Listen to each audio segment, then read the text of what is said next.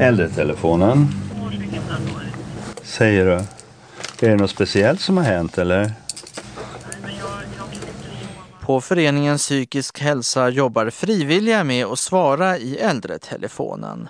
Dit ringer alltså äldre som känner att de mår dåligt psykiskt. De flesta är över 70 år gamla och många har ingen att prata med, berättar Marie-Louise Söderberg på föreningen. De allra flesta samtal handlar om ensamhet. Och en fjärdedel av alla samtal handlar faktiskt om tankar kring självmord. Många äldre känner sig deprimerade och det är vanligt med självmord. Men läkare på vårdcentralerna är dåliga på att upptäcka de här problemen hos de äldre i tid, säger Socialstyrelsen. När gamla söker vård för att de har ont i magen eller svårt att sova till exempel så kan det vara tecken på att de är deprimerade och känner sig ledsna. Tecken som läkarna missar.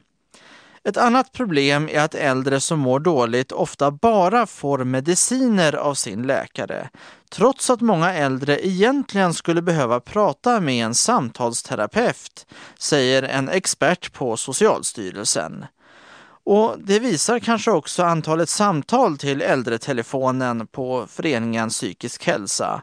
På bara ett halvår har de fått mer än 500 samtal. Många gånger så är det tillräckligt att få någon som orkar lyssna på en och som kan vara ett kärleksfullt stöd.